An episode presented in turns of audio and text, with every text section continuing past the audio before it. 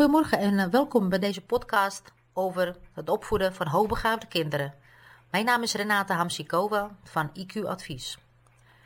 Wil je misschien weten of je kind hoogbegaafd is? Nou, dat is wel een interessante vraag, want waar kun je op letten als je wilt weten of je kind hoogbegaafd is en als je niet, uh, nog geen IQ-test hebt gedaan? Het valt mij op dat allerlei specialisten zeggen dat als een kind nog jong is, wij niet spreken over hoogbegaafdheid, maar over een ontwikkelingsvoorsprong. Ik vind dat een beetje jezelf voor een gek houden. Je bent namelijk hoogbegaafd geboren. Je zult het misschien niet meteen willen of kunnen meten met een IQ-test, maar hoogbegaafd ben je.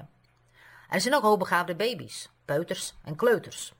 Je blijft hoogbegaafd voor de rest van je leven, tenzij een hersenletsel oploopt, waar je hersenen echt schade bij oplopen. Als je vermoedt dat je kind hoogbegaafd is, hoef je niet meteen een IQ-test te laten doen. Dat is niet nodig en vaak niet betrouwbaar.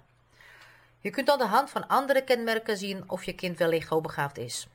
Nou, ik ga deze kenmerken voor je opnoemen. Op, uh, op, uh, uh, ten eerste, algemene ontwikkeling loopt vooruit. Zo vroeg als in babytijd, bijvoorbeeld met glimlachen, kruipen, lopen, praten met volzinnen. Als tweede, vroege taalvaardigheid. Ook baby's reageren op zinnen, luisteren naar gesprekken en sommige kinderen praten in volzinnen met 18 maanden. Derde punt, ongebruikelijke concentratie. Terwijl sommige eenjarigen snel door een boek bladeren, kan jouw kind met aandacht naar plaatjes kijken en heen en weer bladeren en daar gewoon echt niet genoeg van krijgen. Ze luisteren ook aandachtig naar verhalen en bestuderen plaatjes. 4. Gevorderde observatievaardigheden. Je kind kan soms verrassen, je verrassen door zijn oog voor detail. En dat gecombineerd met een geweldige geheugen, hè, is dat vaak enorm verrassend waar je kind allemaal mee kan komen. 5. Ongebruikelijke nieuwsgierigheid. Hoogbegaafde kinderen onderzoeken dingen vaker en langer. Als ze eenmaal kunnen praten, wordt hun nieuwsgierigheid heel duidelijk. Nou, een bijzonder goed geheugen, waar ik net al eh, over sprak.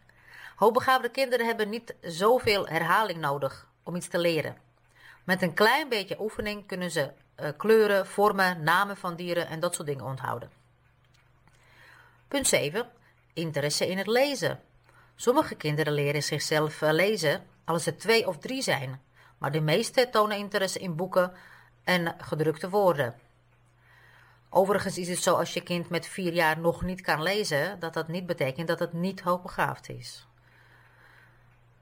Volgende punt. Ongeduld met hun eigen beperkingen. Hoogbegaafde peuters en kleuters kunnen erg gefrustreerd raken als ze iets willen doen dat binnen hun mentale mogelijkheden ligt, maar niet binnen hun fysieke. Dat is ook een zogenaamde asynchrone ontwikkeling. En de laatste punt. Begrijpen uh, complexe concepten. Ze laten getalbegrip zien, kunnen optellen en aftrekken uit hun hoofd. Ze kunnen in ingewikkelde oorzaak een gevolgrelatie zien. Uh, bijvoorbeeld als ik mijn glas melk in de vriezer stop, kan het barsten. Overigens is het zo dat niet alle hoogbegaafde kinderen al deze kenmerken tegelijk laten zien.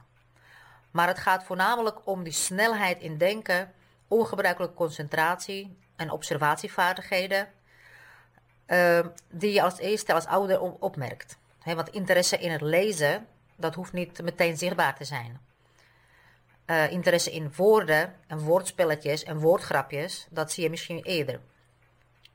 Nou, wil je meer leren over de begeleiding van je jonge, hoogbegaafde kind, dan kun je bijvoorbeeld meedoen uh, met de masterclass Mom's Little Geek. Of je kunt uh, ook deze zelfstudiecursus kopen met gelijke, gelijke naam. Op mijn website staan verder heel veel artikelen uh, voor ouders met jonge kinderen, jonge hoogbegaafde kinderen, uh, die je dan kunt lezen en uh, ja, meer te weten komen over je kind. Nou, dat was het voor vandaag en nou, tot de volgende keer.